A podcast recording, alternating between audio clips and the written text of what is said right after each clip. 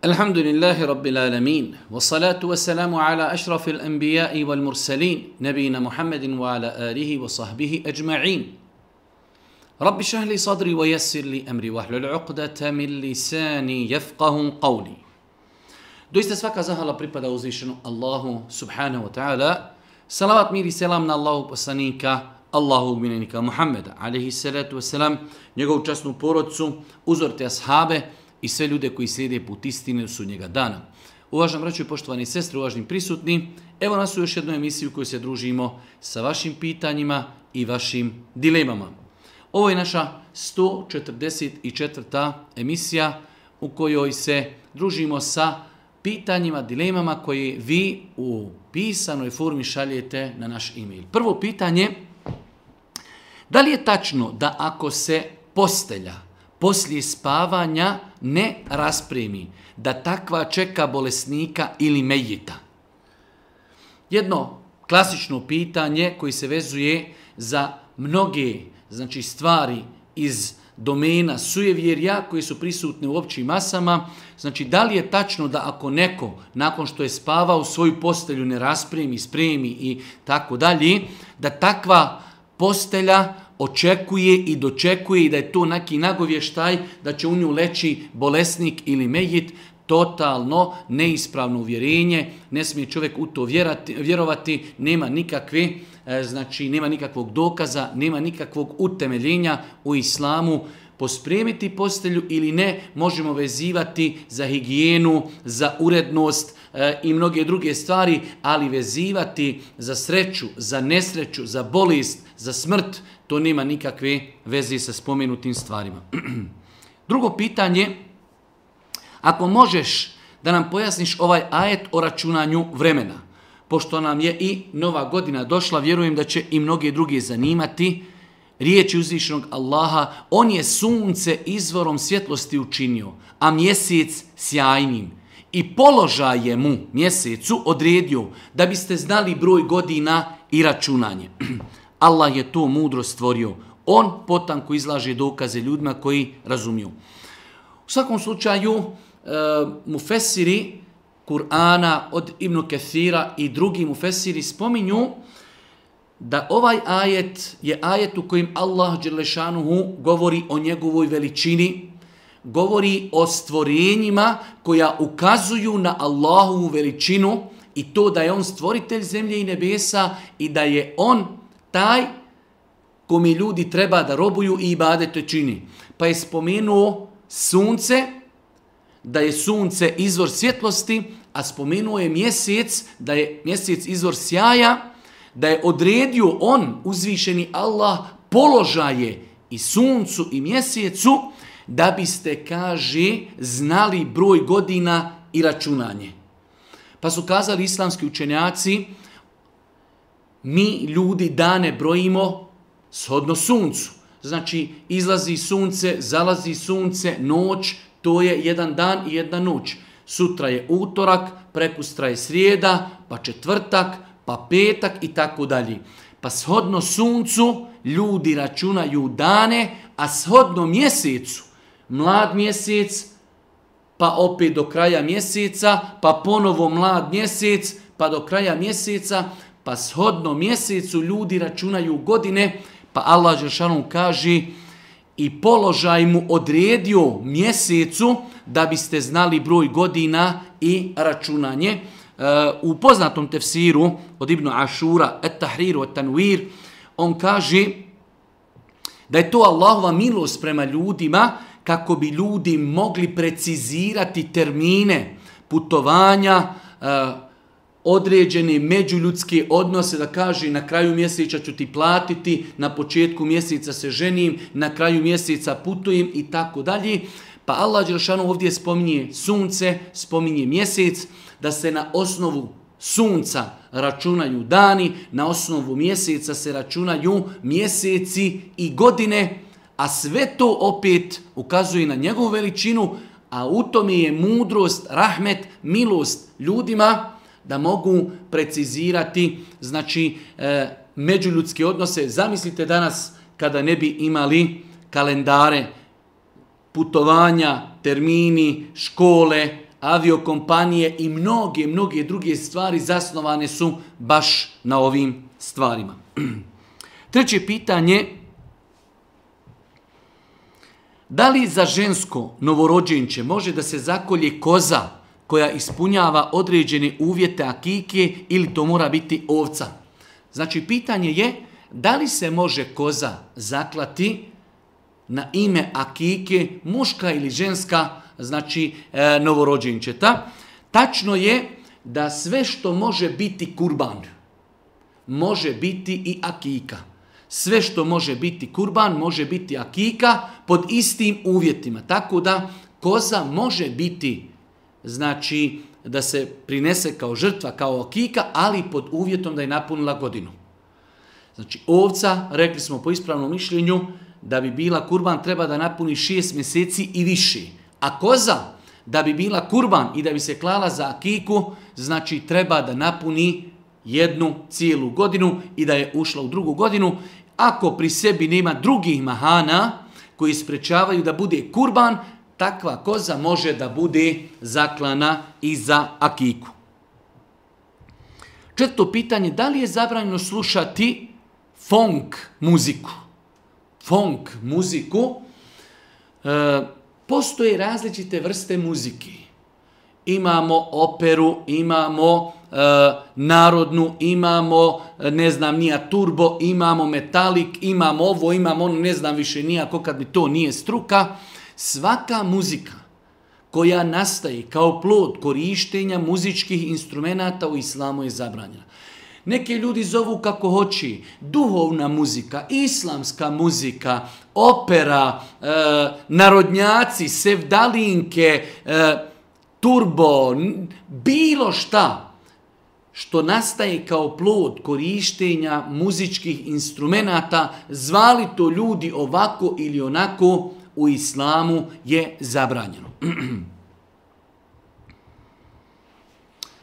Peto pitanje, ako pokušavam da zapamtim ajet, pri kojem se čini sežda. I ponavljam ga više puta. Da li za svako ponavljanje ajeta moram učiniti seždu? Znači imamo ajete u Koranu nakon kojih treba lijepo i povalno da uradimo seždu. E sada, insan koji uči tu suru na pamet ne može odjednom pročitati ajet i naučiti ajet. Treba ga ponoviti 5, 7, 10, 20, 30 puta. Da li je propisano da svaki put kada prouči taj ajet učini seždu? Ne. Ne dovoljno je jednom, znači prvi puta kada pročita, prouči taj ajet, da uradi seđdu. I ta seđda prva nije obavezna, ali je lijepo i pohvalno. Nakon toga može ajet ponavljati u jednom sjelu. Znači sjedi Hivza, ponavlja ajet 5, 7, 10, 20, 30 puta, dovoljna mu je ako Bog da prva seđda. Poštovani šeh, da li je dozvoljena dozvoljeno grupno učenje ruke i da li je učenje ruke više ljudi ispravno, istovremeno ispravno. Jedno od savremenih pitanja koje nije bilo poznato, Allah najbolje zna, znači Selefu i prvim generacijama ashaba tabi'ina, jeste i pitanje da jedan učač ruke zbog mnoštva oni koji traži učenje ruke objedini u jednoj sobi u jednoj sali 5, 7, 10, 20 osoba uči rukju, pa ljudi koji ima dnu, znači određene simptome ili pokazatelje, onda njih dodatno posebno tretira. U svakom slučaju nije to bila praksa ni Božih poslanika ni prvih generacija, ali isto tako ne postoji ni dokaz da je to zabranjeno. Generalno sam stava da je to bolje izbjegavati, šejh Safet, doktor Safet Kudzović u svojoj knjizi Poslanička medicina detaljno je govori o tome i naveo je neki 5-6 razloga zašto je bolji da se izbjegava kolektivno učenje ruke, ali ako bi neko učio e, zbog potrebi, jednostavno nemoguće da svakom čovjeku uči pojedinačno ruke u pola sata, sat vremena, pa okupi 5-70 ljudi, uči ruke pa oni koji imadnu znači određene reakcije da njih nastavi posebno tretirati i učiti. Nadam se, inšala, to nije nikakva greška, ali ako zatim nema potrebe, definitivno je to bolje izbjegavati. Zanima me da li je štednja dozvoljena u islamu i čuvanje do te mjere da mi imamo crni fond za ne daj Bože, dok nam braća dok nam braća po vas dunjaluku gledaju. U svakom slučaju jedno malo duže pitanje, da li je u islamu dozvoljeno da čovjek špara novac, da ima ušteđevinu, da ima neki crni fond za neku vanrednu situaciju? Apsolutno da. Nema ništa sporno u tome da čovjek radi, zarađuje i da jednostavno ima dio novca kojeg je ostavio, što naš narod kaže za ne daj Bože, ne možda za bolesti ili želi da osvoji da kupi nešto pa štedi i špara, samo su kazali islamski učenjaci, čovjek koji špara novac treba da ispuni obaveze koje islam propisao na novac koji se štedi, prvenstveno se misli na zekjat. Znači novac ako dostigne nisab i ako pregodini na takav novac treba davati zekjat. A nakon toga, ako čovjek izdvaja zekat i daje prava i metka, nema u tome ništa sporno, čak se navodi u vjerodostojnom hadisima koji bilježi imam Buharija i drugi, da je Boži poslanik Ali Selam znao prodati datule od Benu Nadira, a nakon toga kada bi prodao, ostao, ostavio bi znači toliko dovoljno novca za svoju porodicu koliko im je potrebno za godinu dana. Znači, Boži poslanik, alihi salatu wasalam, kada bi prodao datu lebenu nadira, ostavio bi za potrebe svoje poruce za narednu godinu dana, do sljedećih datula, do sljedeće prodaje, da jednostavno, eh, hajde da kažemo, oni nemaju, tako su islamski učenjaci spomenuli u komentaru, da nemaju oni taj psihički pritisak, od čega će, šta će, kako će, Boži poslanik bi njima odvajao za porodicu, za njihove osnovne potrebe, hrani i onoga što im je potrebno za narednu cijelu godinu. Znači čak i Boži poslanik je štedio za svoju, za svoju porodicu, tako da nema ništa sporno u tome da čovjek špara novac, da znači jednostavno e, ostavlja dio novca na stranu, za taj neki crni fond ili želi jednostavno da nešto u budućnosti osvoji i kupi. Osmo pitanje, zanima me da li se učenje i isticanje znanja, da li se učenje i sticanje znanja o islamu smatra kao dobro djelo. Pitanje je da li osoba koja studira, čita, uči, edukuje se o islamu, da li je to dobro djelo? apsolutno da, čak jedno od najboljih dobrih dijela koji čovjek može uraditi. Iqra, uči, prvi imperativ, prvi ajet objavljen poslaniku.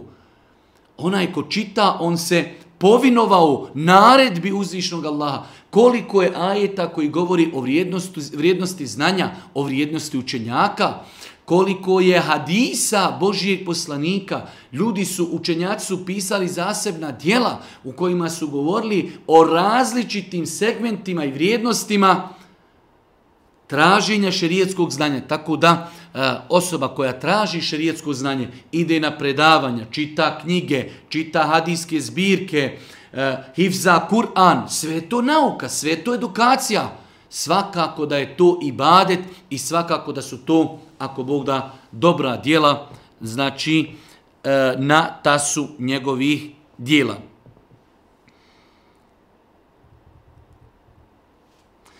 Već duži niz godina imam želju da posadim cvijeće na groblju. Međutim, problem nastaje u ljudima koji mi zabranjuju i kažu da je to grehota i haram da cijeću nije mjesto na groblju i da groblje ne smije da bude ukrašeno. Da li je to tačno? U svakom slučaju, e, teško je kategorički tvrditi da je to haram. Da, Boži poslanik je zabranio da se gradi na kaburovima. Sađenje cvijeća nije građ, građenje na kaburovima, ali isto tako e, u jednu ruku to je bespotrebno, znači ulaganje imetka u to cvijeće, bolje da se taj imetak da negdje drugo, to je znači mezaristan, to su kaburovi svakako, e, znači e, greblja, mezarluke treba održavati da nema papri, da nema trnja, da nema znači žbunja, ali saditi cvijeće nema potrebe nikakve zato što je to znači mjesto gdje se ukupavaju ljudi, Bilo tu ruža ili ne bilo ruža, to nikakvu korist ne donosi onima koji su tu ukopani, tako da e, nećemo kazati da je to haram, ali ćemo kazati da je to bespotrebno. Nema potrebi što bi čovjek uložio novca e, da sadi cvijeće po e, mezarovima, bolje je da to dadne nekome koje je u potrebi. Trenutno sam na putu i stao sam s autom na parkingu da bi klanjao farz, podni namaza. Kako sam stao autom, tako sam počeo da klanjam i tek na kraju sam se sjetio da se moram okrenuti prema kibli u svojoj žurbi sam nenamjerno zaboravio. Znači čovjek je na putu, zaustavio auto, izašao i počeo klanjati, ali nakon namaza je shvatio da je klanjao u pogrešnom pravcu, ne prema kibli. Da li je takvoj obavezi, da li je takvoj osobi obaveza ponoviti namaz dok je u namaskom vremenu da? Da je taj čovjek kazao, sjetio sam se prije tri dana da sam klanjao, ali šta je tu je, rekli bi završeno. Ali ako smo se odmah sjetili, još namasko vrijeme nije prošlo, bez obzira mi nismo griješni jer je to bila greška, ali još smo u namaskom vremenu, Zašto ne ponoviti namaz na putu dva rekiata, okrenuti se u pravcu kibli i ponoviti namaz? Tako da, u ovakvim situacijama, ako insan nije ispunio rukn, temelj validnosti namaza i zaborava, ako je to znači e, u namaskom vremenu, svakako, svakako da treba ponoviti namaz. 11. pitanje je Živim i radim u Njemačkoj. Imamo kuću u Sarajevu. Da li smo putnici kada dođemo u kuću u periodu od dvije sedmice? Znači čovjek radi u Njemačkoj, dolazi dvije sedmice u Sarajevo u svoju kuću. Da li je takav insan musafir? Ja lično sam stava da osoba koja ima svoju kuću, kako ćemo za osobu koja dolazi svojoj kući kazati da je musafir? Mi njega vezujemo za Njemačku, postade čovjek švabo, postade njegova matica, gdje je rođen, postade on tu musafir. Tako da, e, mislim da se ne treba, hajde da kažemo, olahko opoditi prema tom pitanju. Znam da ima i učenjaka i dajija koji daju odgovor da su ljudi koji dolaze na ljetni raspuste, makar i u svoju kuću da su musafiri, ali mislim e, da prvo nema potrebe. Čovjek došao u svojoj kući, zbog čega da krati i spaja namaze kod svoje kući. S druge strane, nima potrebi, on je kod svoje kući, ima uvjete, ima vodu, ima kupatilo, po kojoj osnovi da mu kažemo da je musafir tako da osobe dok su na putu iz Njemačke do Sarajeva, dok putu iz, iz Njemačke do Novog pazara, do Skoplja i tako dalje, da, musafir, ali kada dođe kod svoje kuće, svakako da ne bi trebao da smatra da je musafir.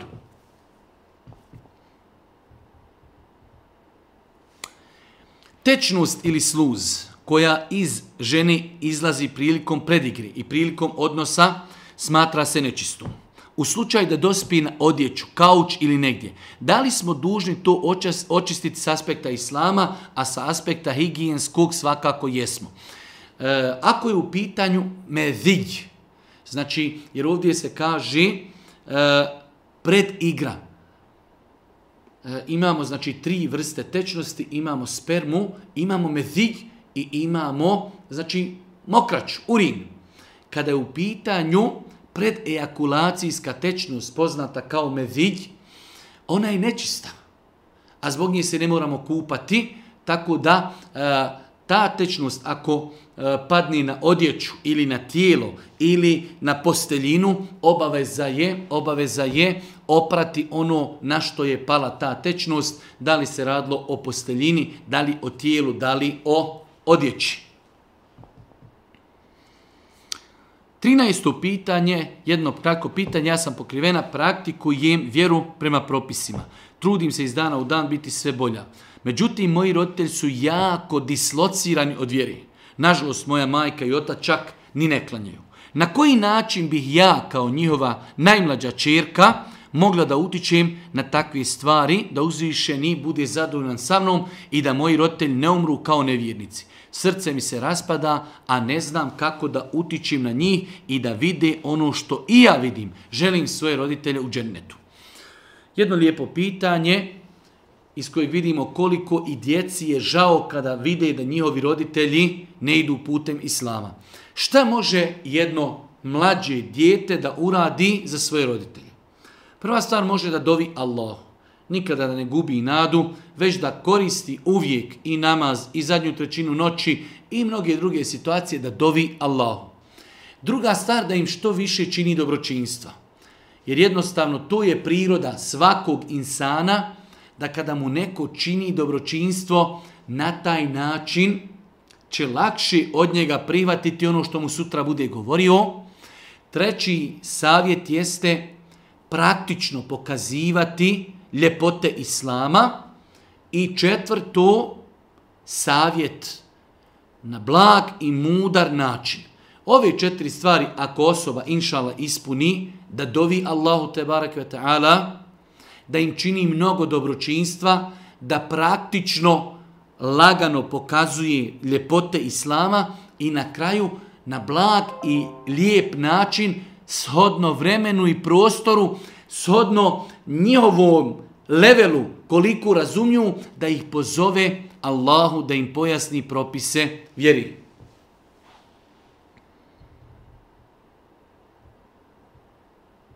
Mm-hmm. 14. pitanje. Zanima me vaše mišljenje o liječenju u manastiru Ostrogu. Da li je dozvoljena posjeta ako si musliman i da li stvarno Ostrog liječi ljude?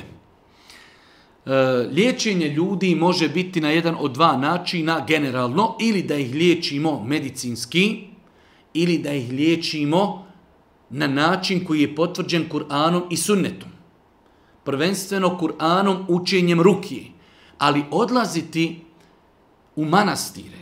Manastiri su po islamu, ne treba niko da se ljuti, ali manastiri su po islamu mjesta gdje se čini najveći grijeh na planeti, a to je širk. Pripisuju se i pripisuje se Allahu subhanahu wa ta'ala, stvoritelju zemlje i nebesa, širk.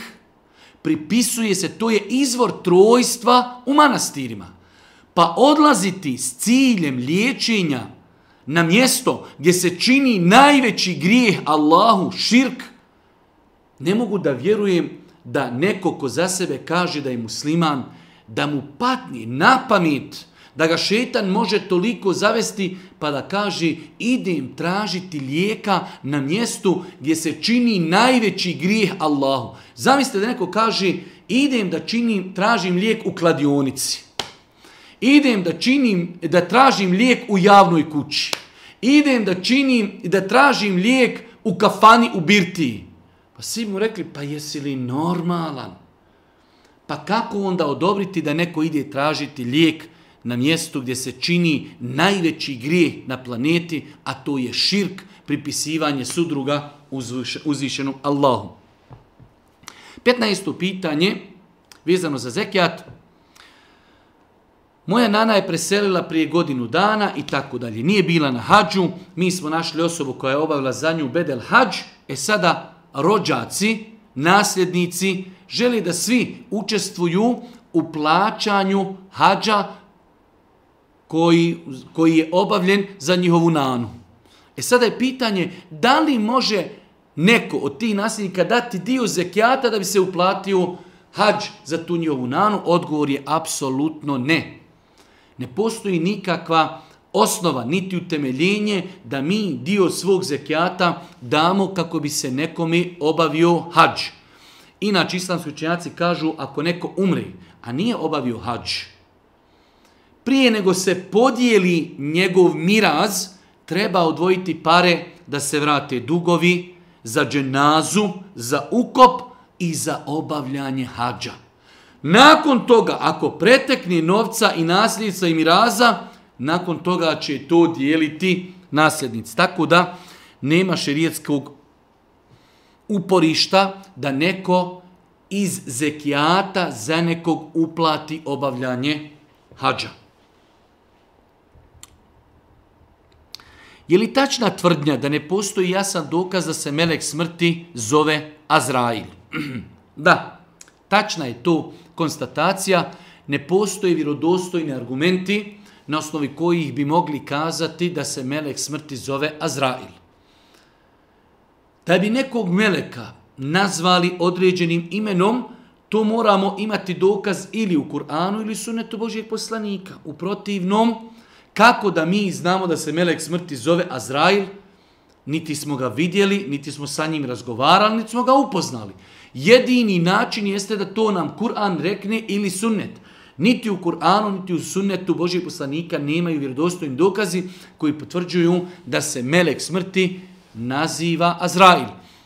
U Kur'anu melek smrti i u sunnetu Božijeg poslanika spominut je kao melekul meut, melek zadužen za smrt ili melek smrti. Tako da, nije to neka ogromna greška, ali svakako da je mnogo, mnogo prioritetnije u svim našim, da kažemo, postupcima, govoru, ponašanju, da se trudimo držati i koristiti šerijetske termine kada govorimo o smrti i meleku koji je zadužen za uzimanje duša, najbolje da kažemo melekul meut, melek smrti ili melek zadužen za smrtu. Da li supruga nakon smrti muža nasljeđuje onoliko koliko nasljeđuju i djeca? Znači imamo čovjeka, umro je, ostala iza njega njegova supruga i djeca. Da li ta njegova supruga nasljeđuje onoliko koliko nasljeđuju djeca? Kod nas jeste praksa da ako je čovjek umro, ako se dijeli imovina po broju, da kažemo glava, troje muške, dvoje ženske, žena njih šestero i to je to što je apsolutno netačno. Žena u islamu nakon što umri njen čovjek može nasljeđivati dvije opcije ili četvrtinu ili osminu. Četvrtinu nasljeđuje i metka od svoga muža kada muž nema sa njom djeci. A osminu ako ima djecu. Znači u islamu kada umri čovjek, njegova žena može naslijediti ili četvrtinu njegovog imetka ili osminu. Četvrtinu nasljeđuje kada on nema djeci. A osminu ako ima djecu. Ako ima djecu, odmah na startu kažemo njoj ide osmina, ostalo uzmeju djeca. I greška je i dalje dijeliti na broj djece po glavama. U islamu muško uzima kao dvije djevojčice ili kao dvije žene. Tako da znači, ako imamo da je čovjek ostavio iza sebe e, dvije djevojčice i muško dijete, muškara će uzeti polovinu, a njih dvije će uzeti polovinu, po polovi će znači e, jednu polovinu. Tako da greška je, greška je dijeliti e, miraz na broj nasljednika. Žena kada umri njen čovjek može dobiti ili četvrtinu ako nije imao djeci ili osminu ako je imao djecu. Djeca uzimaju na način da muška uzimaju kao dvije kao dvije e, znači e, sestre, dvije čirke, dvoje ženske djeci. može li dijete iz bluda, zinaluka i nemorala biti musliman? Apsolutno da. To što se dijete rodilo na neispravan šerijetski način, nije njegov grih. Kao što čovjek može postati musliman nakon što je bio nevjernik 30, 40 ili 60 godina, isto tako i dijete koje se rodilo može biti najveći alim, najveći muftija, najveći vojskovođa. Insan koji je rođen iz E, neispravne širijetske veze, nema to dijete nikakvog grijeha. Što su njegov otac i njegova majka počinili grijeh bluda i iz tog bluda se rodilo dijete. Ono nema sa tim nikakve, nikakve veze i ono u islamu se tretira kao svi drugi muslimani, može biti efendija, može biti muftija, može biti alim, može znači biti sve što mogu biti i drugi ljudi koji su rođeni na ispravan šerijatski način. 19. pitanje, da li je zemzem voda korisna i učinkovita ako se pije samo u meki? Zemzem voda je korisna, ha se pila u meki, ili se pila u Medini ili se pila u Bosni. Zato što je stvarnost zemzema, stvarnost njegova, bio on u Bosni, Makedoniji, Albaniji, Turskoj, Americi ili Kini, on je uvijek zemzem.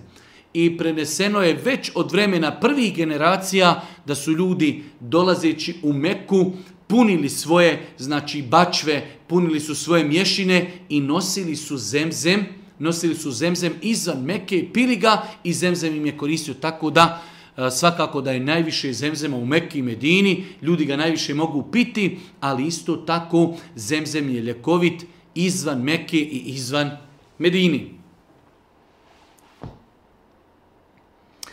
Idem na umru, da li namaz u revdi? U džami Božeg poslanika ima posebnu odliku. Namaz u džami Božijeg poslanika generalno, što obuhvata i revdu, je vrijedniji od hiljadu namaza obavljeni na drugom mjestu. Ne postoji poseban argument koji ukazuje da namaz obavljen u revdi ima neku još dodatnu vrijednost. Mi možemo kazati namaz u revdi je namaz kojeg je čovjek obavio na mjestu za koji poslanik kazao da je to dženecka bašta. I u tom kontekstu lijepo je u revdi klanjati, čak su učinjaci kazali ako nema guže, ako nikom ne smetamo, da tu što više klanjamo na fili. Ali nažalost, određen broj ljudi je spreman ezijetiti, gurati se, galamiti pored kabura Božeg poslanika samo da bi klanjao u revdi, a taj namaz generalno nema nikakvu dodatnu, posebnu, posebnu nagradu. Lično sam stava da je bolje otići u bilo koji dio džamije Božije poslanika, skrušeno, lagano, sa suzama, klanjati dva rekiata, nego otići u revdu, gurati se, ljudi preko tebe hodaju, ne zna šta si klanjao, ali eto, ispunio si nešto što se zove namaz u revdi. Znači, namaz u revdi nema posebnost, nikakvu, hiljadu namaza kao da smo klanjali na bilo kojem drugom mjestu u džami Božeg poslanika zato što je to blagoslovljeno mjesto. Lijepo je tu klanjati, ali ne po svaku cijenu.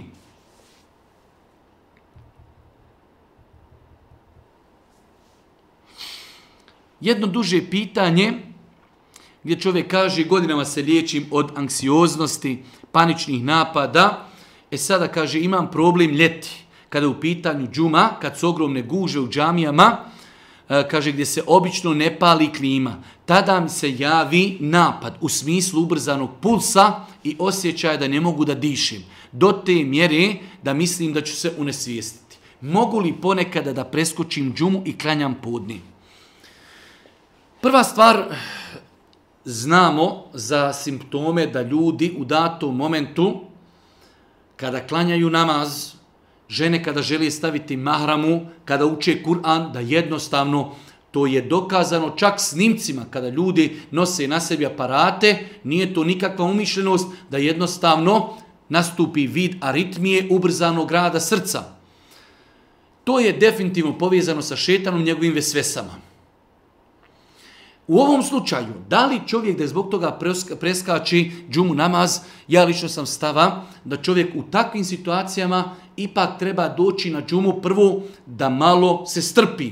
Jer mnogo je osoba koje su na početku, žena počne nositi mahramu, čovjek počne klanjati namaz, učiti Kur'an, u početku dan, dva, ima malo aritmije, ima malo e, znači napada i šeitan vidi da to ne prolazi i jednostavno odustani. To je jedna stvar. Druga stvar, ako ništa, ako se čovjek boji gužvi, ako se čovjek u takvim situacijama osjeća loše, doći će, kada se počne klanjati namaz, ući će u džamiju, stati u zadnji saf, klanjati džumu namaz i odma izaći.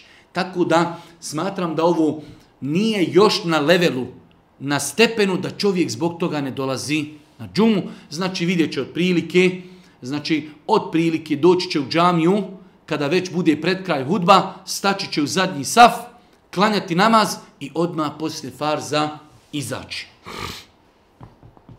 22. pitanje, zašto ženama nije dozvoljeno da vozi auta? Ne znam gdje su osobe pročitali da ženama nije dozvoljeno voziti auta, e, ne postoji nikakav šerijatski za, e, dokaz na osnovu kojih bi kazali da je ženama zabranjeno voziti auta.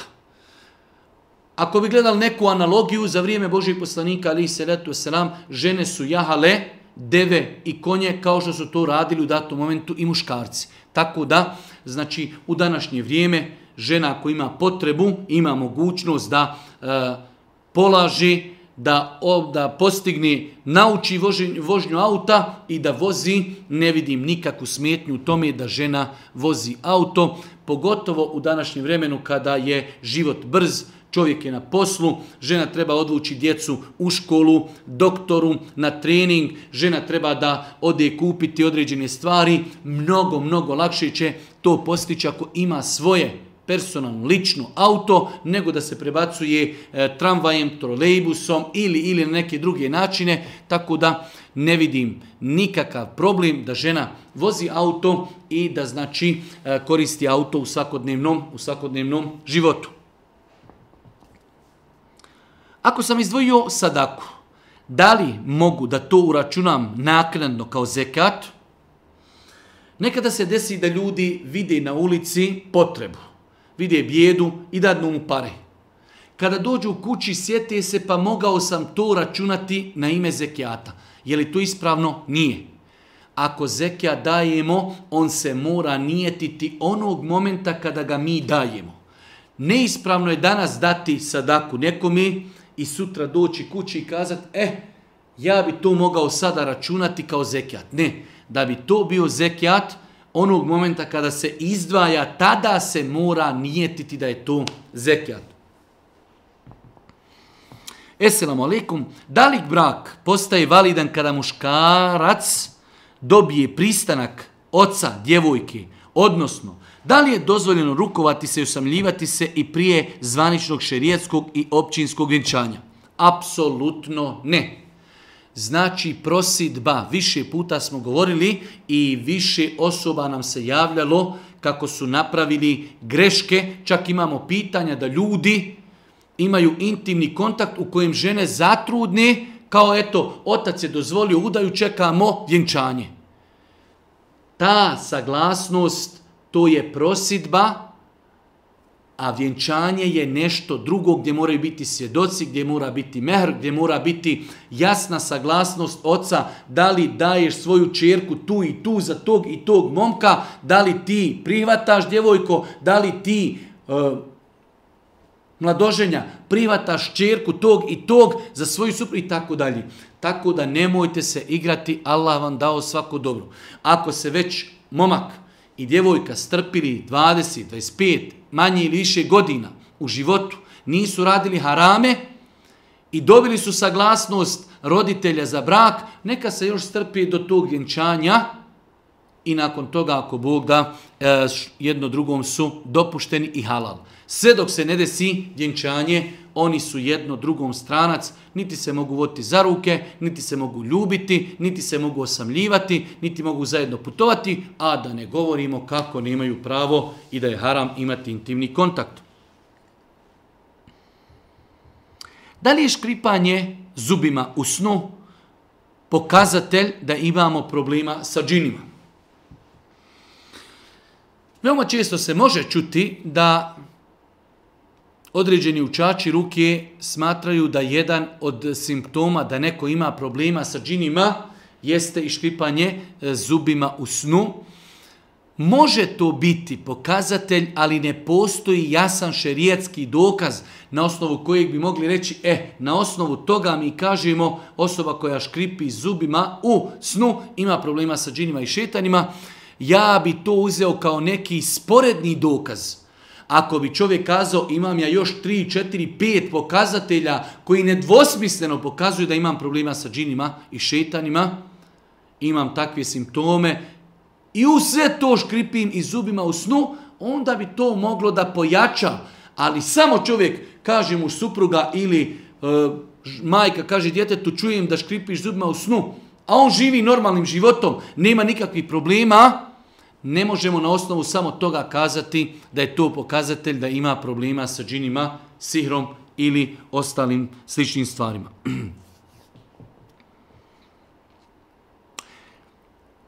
Propis izdavanja poslovnog prostora banci ili osiguravajućim društvima.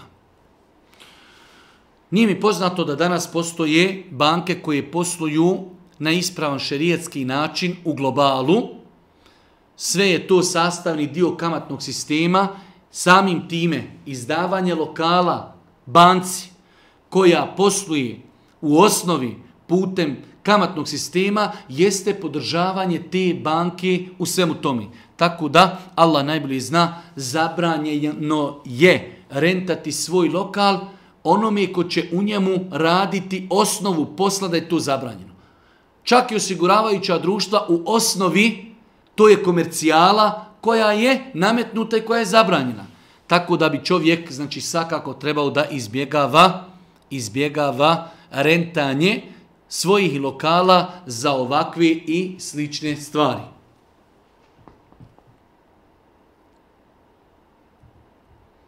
Propis sklapanja braka sa udatom ženom za drugu osobu prije nego što ta žena bude razvedena od prvog muža. Nažalost, čujemo počesto da se dešava žena živi sa čovjekom preko interneta ili na neki drugi način, upozna se sa drugim čovjekom i sutra samo napusti prvog čovjeka i udala se ona za drugog čovjeka. Kakav je to propis? Propis je da je to što je uradila, otišla s drugim čovjekom, blud, nemoralno ona se i dalje vodi supruga od prvog čovjeka sve dok se ona od njega ne rastavi.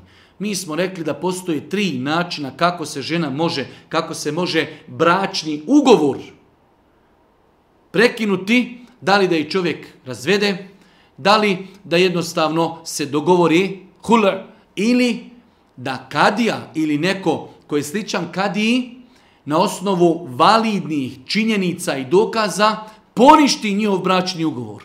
Ali onako, žena udata, našla sebi drugog čovjeka, otišla za drugog čovjeka, to je haram po konsenzusu učenjaka, taj brak drugi je neispravan, to što radi i što ima intimni kontakt sa drugim čovjekom je nemoral i blud.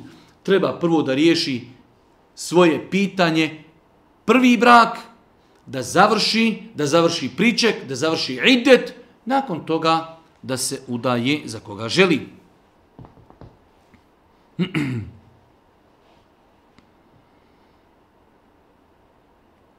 Da li nam je dozvoljno se, se bojati kada grmi? Jer ima dosta ljudi mi govore da nam je zabranjeno bojati se grmljavine. Ne znam na osnovu čega bi čovjek mogao kazati da je zabranjeno čovjeku da se boji grmljavine.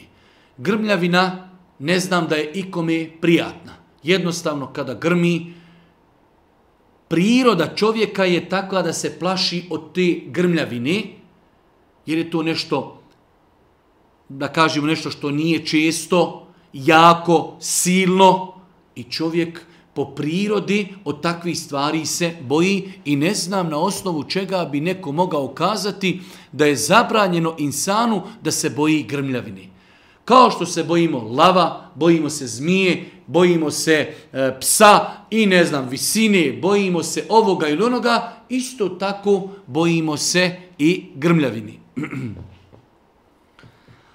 Propis ženitbi s namjerom da nakon određenog perioda istu ženu razvedemo.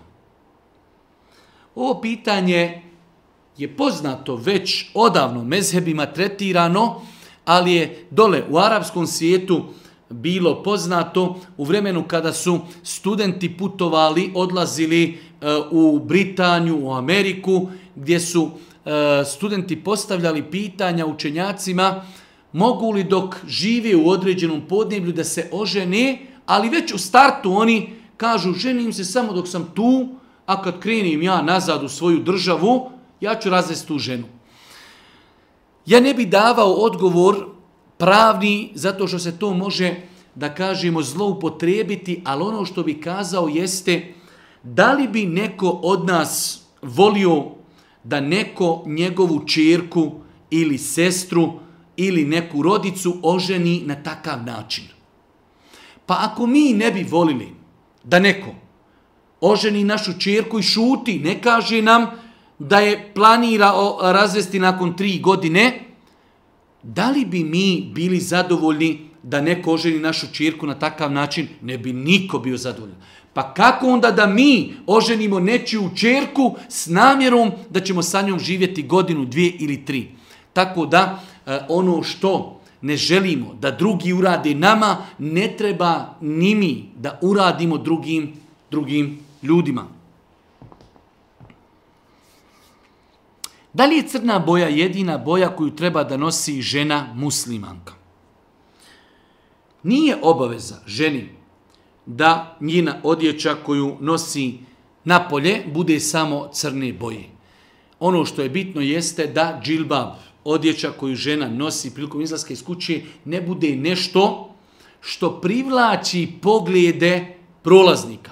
Da to nije nešto šareno, šareno, da to nije nešto ža, jako crveno i tako dalje, da nije nešto jako žuto, ali sve neke tamnije boje, bordo, neka plava, neka smeđa i tako dalje, sve te neke tamne boje nema smetnje da se nose. Čak šta više u datom momentu mi znamo da je odlika e, znači nemuslimana u periodu žalosti da nosi samo crninu, u datom momentu e, određenom broju, znači muslimanki je i prigovoreno pa da na taj način one i liče i oponašaju nemuslimankama koje u periodu žalosti nose samo crno. Tako da, znači nema smetnje svakako da muslimanka nosi crnu odjeću, ali isto tako nema smetnje da nosi i neke druge boje, koje nisu upadne, znači neke tamne boje, nema ko Bog da smetnje da suknja bude takva, da džilba bude takav, da mahrama bude takva, da nika bude takav. Posljednje pitanje, 31. pitanje, duže pitanje u kojem čovjek spominje da se u džematu u kojem on klanja, ljudi, znači klanja se na način da ljudi prije namaza i poslije namaza prakticiraju određene novotarije, pa da li je prioritetnije klanjati u tom džematu ili klanjati kod kući? Svakako da je prioritetnije klanjati u džematu. Zato što nas niko ne obavezuje da mi učestvujemo u novotarijama. Mi ako smo došli u džemat, klanjamo sunnete, sjedimo, čekamo i kamet. To što neko uči kulhu valla, to što neko uči ovo, uči ono, to nas ništa ne tiče se. Muezin uči kamet, mi ustajemo Allahu Ekber, predajemo selam. U našim namazima, u našim džamijama, koliko mi je poznato, nema niti jedna novotarija. Hvala uzvišom Allahu. Novotarije ili su prije namaza ili poslije. Mi kada predamo selam, mi smo završili svoj namaz, možemo za sebe sjediti, zikriti, možemo napustiti džamiju, to što će neko zikriti zajednički ili učiti određene druge stvari, koje nisu bila praksa Božijeg poslanika, nas niko ne obavezuje time. Tako da, svakako da insan treba da ide u džemat i da klanja namaz u džematu. Od početka namaza do kraja namaza, bar meni nije poznato da imaju određenu novotariju u namazu, novotarije ili su prije namaza ili poslije, samim time nas niko ne obavezuje da učestvujemo u novotarijama, nećemo učestvati u novotarijama prije namaza, niti u novotarijama prije poslije namaza. Molim uzvišenja Allah subhanahu wa ta'ala da nam podari korisno znanje, da nas učisti na putu istine, da nam bude milostiv na sudnjem danu. Subhaneke, Allahumme ve bihamdike, ešhedu en la ilaha illa ente stavfiruke, wa etubu ilaik. Oh, oh, oh.